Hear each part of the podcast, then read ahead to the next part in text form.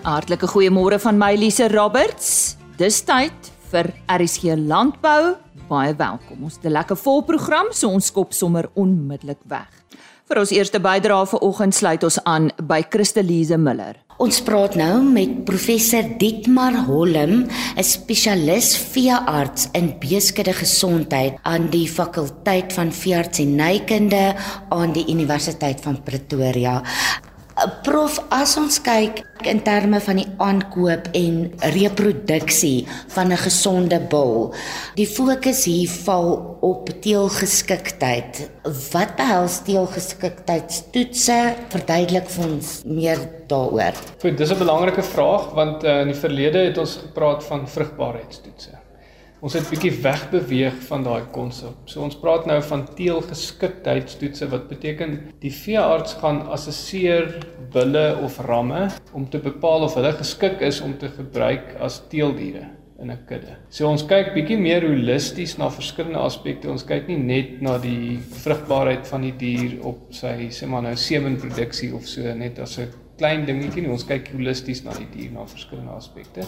En dit word aangebied deur veeartse as 'n sertifisering. Met ander woorde, bulle of ramme word dan nou gesertifiseer as teelgeskik volgens sekere standaarde wat bepaal word deur die Herkouer Veeartsvereniging of die Ruminant Veterinary Association van Suid-Afrika. So ons het 'n stel standaarde en dan Daarvolgens word bulle en ramme dan nou geassesseer en dan word hulle gesertifiseer. En die hele doel is dan nou as bulle of ramme verkoop word by veilinge of wanneer um, bulle of ramme voor 'n dekseisoen geëvalueer word, dat ons seker is daai diere is reg om te gebruik in 'n teelseisoen. Wat is aspekte om na te let as ons kyk na die tipe toetse? So mens kan die verskillende aspekte in drie goeters deel. Die eerste ding is dat ons kyk na die gesondheid van die bil. So ons kyk na die algemene gesondheid dat hy klinies gesond is en die veearts natuurlik weet ook wat is belangrike siektes in die omgewing waarvoor hy moet uitkyk of sy moet uitkyk. Ehm waarop daai dier dan geëvalueer word en dan kyk ons na spesifieke siektes wat op 'n biosekuriteitsvlak 'n probleem kan wees, so siektes wat van een kudde na 'n ander kudde kan versprei en probleme kan veroorsaak. Dit word geëvalueer en dan kyk ons ook na spesifieke reproduksie siektes. Met ander woorde, siektes wat deur teeling oorgedra word. Ons noem dit veneriese siektes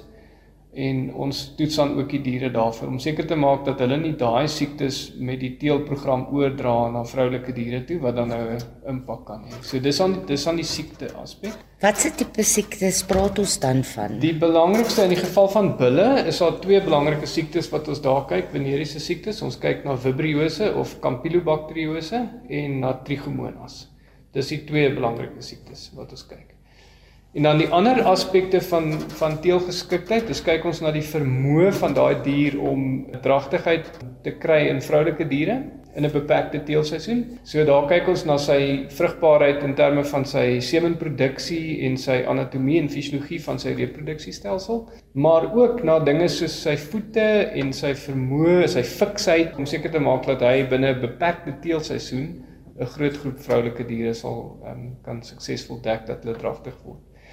En dan die laaste aspek kyk ons ook na na die konformasie van die diere en na moontlike genetiese probleme wat daai dier dan nou kan oordra. So veeartse is nie spesialiste op genetika nie. Daar's ander mense in die bedryf wat spesialiste is, maar veeartse het 'n baie goeie idee van siektes wat geneties oordraagbaar is wat ons sien en diagnoseer op plase wat probleme veroorsaak. So die veearts is 'n goeie persoon om 'n uh, bil of 'n ram te beoordeel in terme van sy konformasie of hy 'n bydrae gaan lewer geneties binne 'n kudde ook. So dis rofweg die drie verskillende aspekte waarna ons kyk in deelgeskiktheid. Deelgeskiktheid, die uitdagings. Die uitdagings wat ons sien in die bedryf op die oomblik is dat ons sien dat byvoorbeeld verskillende ehm um, teelverenigings ehm um, is geneig om hulle eie standaarde te probeer skep en dit veroorsaak bietjie verwarring in die bedryf want die kopers is dan nou nie seker hoekom word hierdie spesifieke toets nou bygevoeg of weggelaat uit 'n teelgeskiktheidsondersoek. So dis eintlik ons grootste uitdaging en ons versoek daarmee regtig is om te probeer om die bedryf, die um, kommersiële boerdery of veebedryf in Suid-Afrika te kry om een standaard te aanvaar deur die teelersverenigings, maar ook deur die georganiseerde landbou om te sê dat daar 'n standaard geskep deur veeartse wat die beste persone is om daai standaard te skep en kom ons aanvaar daai standaard as die enigste aanvaarbare standaard. Met ander woorde, bulle en ramme wat by veilinge verkoop word, moet op daai sertifiseringsstelsel gesertifiseer wees, dan aanvaar ons dit. Dis ons versoek want dit is ons grootste uitdaging dat in sekere areas of selfs by verskillende veilinge sal daar baie spesifieke versoeke wees, maar ander goederes word aanvaar as dit nie gedoen is nie. En dit veroorsaak probleme want op dié manier sien ons dat sekere siektes nie behoorlik beheer word nie en dat diere moontlik verkoop kan word in die bedryf wat dan nou probleme gaan veroorsaak op die plase waartoe hulle gaan. So dis ons grootste uitdaging as ons daai uitdaging kan oorkom, dan sal die werk wat veeartse doen en die kostes wat boere het in teelgeskiktheidsondersoeke baie meer impak kan hê. Ehm um, so dis iets waaraan ons moet werk in die volgende 5 tot 10 jaar. So ek dink ons moet die teelersgenootskappe bymekaar kry om te gesels hieroor om om 'n standaard te aanvaar.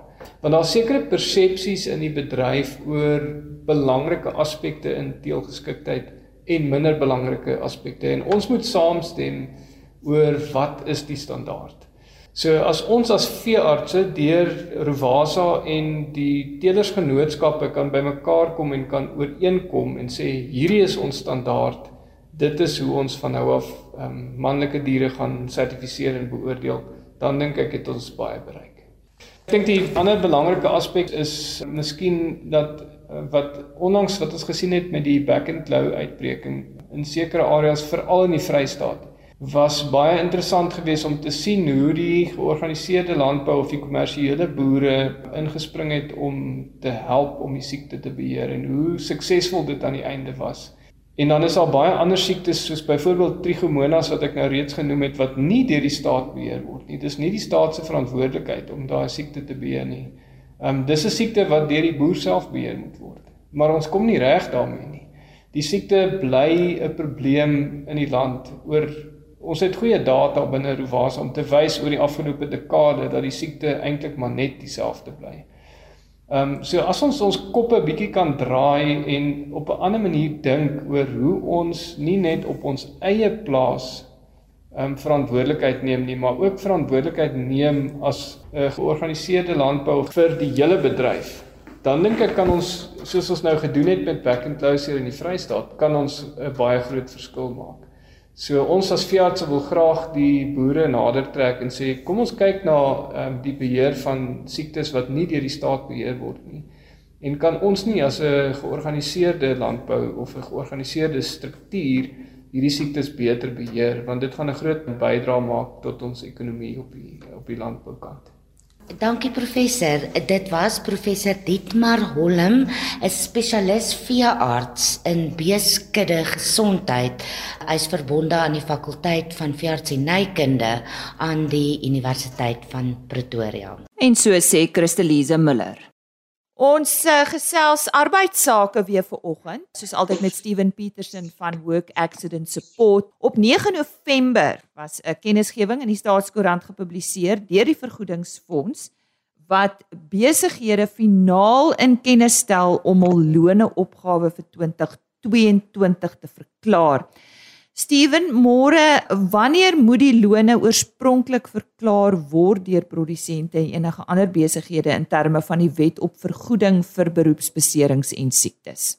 In terme van hierdie wet moet dit jaarliks teen maart gedoen word of dit kan gedoen word wanneer die vergoedingskommissaris dit aankondig en gewoonlik gee hulle 'n grasie van 1 of 2 maande omdat hulle weet baie besighede doen hulle finansiële state deur die loop van daardie tyd en nou vir uh, hierdie spesifieke jaar was dit einde Junie gewees. Met wie praat die kennisgewing spesifiek?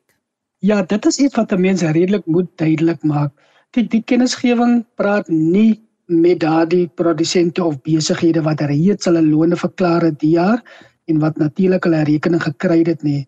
So dit is slegs vir besighede wie nie hulle loone nou in 2023 verklaar het nie en soos dit reggestel het, is dit vir die jaar 2022 en natuurlik het hulle nou kans tot einde November tot die 30ste November toe. Tans is daar 880 000 besighede geregistreer met die fonds en uit die is daar bietjie meer as 30 000 produsente. En ongelukkig is daar om en by 25 000 produsente wat nie hulle lone jaarliks verklaar by die vergoedingsfonds nie. Wat is die rede hiervoor? Kyk, daar kan verskeie redes wees. Ek weet een van die redes is baie van die boerderye wat miskien nou die plase oorgevat het by by die pa of iemand registreer dan nou self hulle eie boerdery op hulle eie naam, maar dan is die plaas wat nog op die pa se naam is, is nog nie gederegistreer nie. So dan ongelukkig begin hulle nie met 'n proses om die, om daardie plaas te deregistreer nie. Maar ook in normale omstandighede waar hulle nou ophou boer het, moet hulle nog steeds aansoek doen vir die deregistrasie. Maar daar is hom ongelukkig ook gevalle waar produsente maar nou net nie die lone byvoorbeeld verklaar nie en en dit is maar nou ook iets spesifiek waar hulle op moet afslaan uh in die toekoms. So wat kan die gevolge hiervan wees vir produsente? Wat die kennisgewing wel bevestig is dat die vergoedingsfonds die mag het om 'n vooruitskatting van die lone te doen waar hulle sien uh, 'n produsent of 'n besigheid verklaar nie hulle lone nie. So wat hulle doen is om te kyk wat was die vorige jaar se lone wat verklaar was en dan om 10% daarby te voeg. So dit kan beteken dat 'n rekening in die meeste gevalle hoër sal wees omdat die die vergoedingsfonds nou nie die werklike lone sal hê nie van dit kan nou wees dat die lone miskien verminder het van 'n produsent of wat kondisioneel gebly het maar nie net dit nie ongelukkig gaan daar ook 'n boete gehef word vir die laat verklaring van die lone aangesien dit wel in Junie moes plaasgevind het. Maar wat dit nou soveel meer belangriker is die maand in uh, die spesifieke jaar is as gevolg van die feit dat die nuwe wysigingswet uh, gaan in, geïmplementeer gaan word volgende jaar waar die boetes wat dan uitgereik word baie meer sal wees as waarvan ons nou praat. Nou goed Steven, vandag is 27 November. Dit beteken 'n produsent het saam met vandag letterlik net 4 dae oor want dit is seker die einde van uh, die 30 November werksdag. Wat stel ja. jy voor moet 'n produsent onmiddellik doen wat nie sy lone op tot datum verklaar het nie?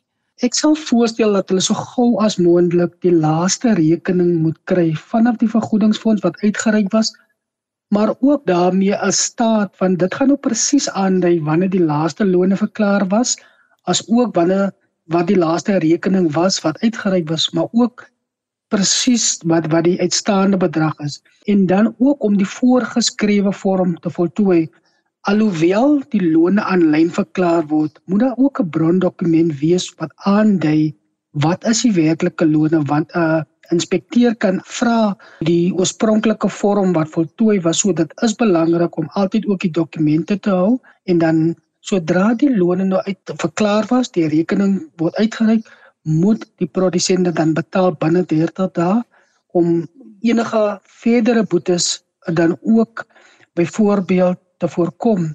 En dan soos ek nog gemeld het, produsente moet ook dan nou stawende dokumente hou want as 'n sekere bedrag verklaar word, moet hulle 'n bewys kan lewer indien dit aangevra word soos 'n finansiële verslag of ook die die die salarisrol wat nou wys maar dit is die werklike lone wat wel betaal was want die vergoedingsfonds kan al daardie dokumente ook aanvra vanaf die produsent.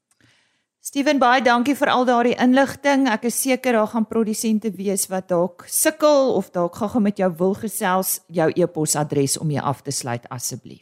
Hulle kan my kontak by support by workaccident.co www.workaccident.za. So sê Steven Petersen van Work Accident Support, kom ons herhaal net daardie uh, e-posadres support by workaccident.co.za en onthou, die dag is donderdag. Die hoogtepunt van die voermol bees en skaapboer van die jaar kompetisie was op Woensdag 15 November in Bloemfontein. Hierdie kompetisie is aangebied in samewerking met BKB, First National Bank, Landbou Weekblad, die Nasionale Wolkwekersvereniging, die RPO, Voermol Natuurlik en Zoetis. Nou vir die luisteraars wat al die pragtige wyn en vrugteplaas Boschendal daar in die Wes-Kaap besoek het, het dalk gesien dat swart Angus beeste ook daar loop. Jason Carroll, die bestuurder van die veeafdeling aangewys as die 2023 voermol beesboer van die jaar. Jason, good morning. Although you received this award for Cattle Farmer of the Year, you are responsible for all the livestock. What does this entail at Boschendal and how long have you been there? Good morning, uh, Lisa. I started here in 2015. Um, the owner of the farm had an idea to be a little bit different, and I think at the time I was thinking a little bit out of the box and he liked the, the ideas that I had and he wanted to implement them here on Boschendal.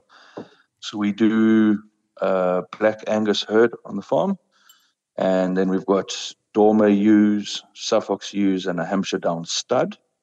We have about 4,000 outdoor chickens that follow our entire animal operation all over the farm, and they control our pests and our parasites, and they put nitrogen down for us and then we have outdoor pigs. So wherever we we have space on the farm that I can't run cattle or sheep, I run uh, the pigs in the forest on Boschendal. And then we have about 400 goats and Persian sheep up in the mountains that do um, alien clearing for us. Mm, sure. Well, what is your background? Did you study agriculture?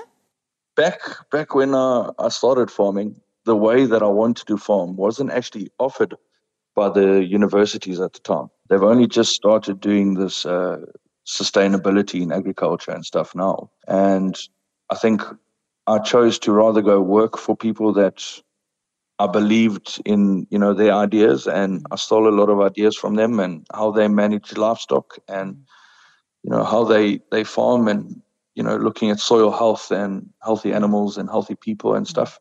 Mm-hmm. So I've just been a, a, farmer my whole life. We have a family farm in the in the Eastern Cape, and straight off out of school, I went and I worked for another big farmer, who I believe actually should have gotten this award, mm-hmm. uh, David Osborne. You got it for the cattle farm of the year, so we're going to focus on your cattle side of things. Why the Black Angus? It's the most marketed beef brand in the in the world. So with our guests that we have that come through to the farm, if they're sitting in our restaurant and they see black Angus and they want to order something to eat, they already associate that with being good quality and, and you know good value for money and stuff. There is no better breed, I believe, that can convert grass into beef, you know, compared to the Angus, and it just fits into my system so perfectly. I mean, we've got thousands of guests that come to farm and they do walking tours and horse riding tours and cycling tours and jogging trails and stuff. And it's such a docile animal that um, you know it's so happy to be around people. So it just fits in perfectly in the way that we farm. And they're beautiful. And they're incredibly beautiful. Yes. What motivates you every day? Yeah, that's a, a question I've been thinking about for a long time. I think making a difference you know, I got told a long time ago that nobody became the best by doing the same thing that everybody else does. And being different is definitely one of my main main priorities on the farm. Um, I want to look after the soil, uh, give a healthier give a healthier piece of meat to the people that support us and the consumers out there. And yeah, I just soil health and making a difference in, in, in, in the industry and how how farming has been associated with. Jason, what do you think contributes to your success? How did it start? We started measuring. Everything that we do on the farm is centered around soil health. The healthier your soil is, the more grass you grow. The more grass you grow, the more cattle you can run. The more cattle you run, the healthier your soil is. It's it's a it's a big chain, a knock-on effect the whole time.